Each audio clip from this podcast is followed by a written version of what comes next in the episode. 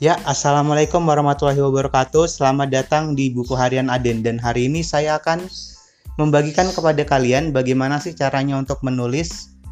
Jadi, bagi kalian yang belum subscribe, silahkan subscribe dan share dan komen video ini. Jadi, bagaimana sih caranya agar menulis? Bagi saya yang kebanyakan teori dan jarang banget praktek, intinya yang pertama itu kalian benar-benar duduk di, di depan komputer dan kalian itu benar-benar menulis. Dan langkah keduanya yaitu kalian itu menentukan sebuah tenggat waktu.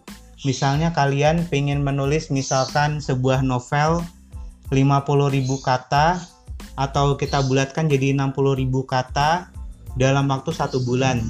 Jadi setiap setiap hari kita butuh untuk menulis 2000 kata dan 2000 kata itu bisa kita tulis dalam waktu sekitar 3 jam sampai 6 jam. Atau kalau kalian pengen lebih ringan, novelnya 30.000 kata aja yang novel singkat. Jadi setiap hari kalian cuma butuh menulis 2 sampai 3 jam untuk menulis 1000 kata, bahkan bisa kurang dari 3 jam itu. Lalu setelah kalian benar-benar duduk dan menulis, yang ketiga adalah konsisten. Jadi agar kalian bisa menulis dan konsisten menulis, kalian itu harus menguatkan habit kalian dalam menulis ini. Siapa tahu kan dari menulis kalian bisa menjadi mendapatkan penghasilan gitu. Oke. Dan saya punya beberapa tips agar kalian itu tidak malas-malesan yang pertama itu adalah aturan 3 detik atau 5 detik atau berapa detik asal kalian hitung mundur. Kalian hitung 5, 4, 3, 2, 1 dan pas hitungannya menjadi 0 kalian mulai bertindak take action.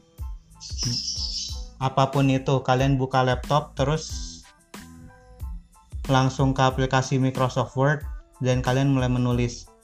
Yang kedua yaitu metode Kaizen. Apa sih Kaizen itu? Jadi Kaizen itu awal-awalnya kalian cuma melakukan sesuatu aktivitas di waktu yang sama. Misalnya kalian jam 2 siang menulis. Awalnya kalian menulis mungkin cuma 5 menit.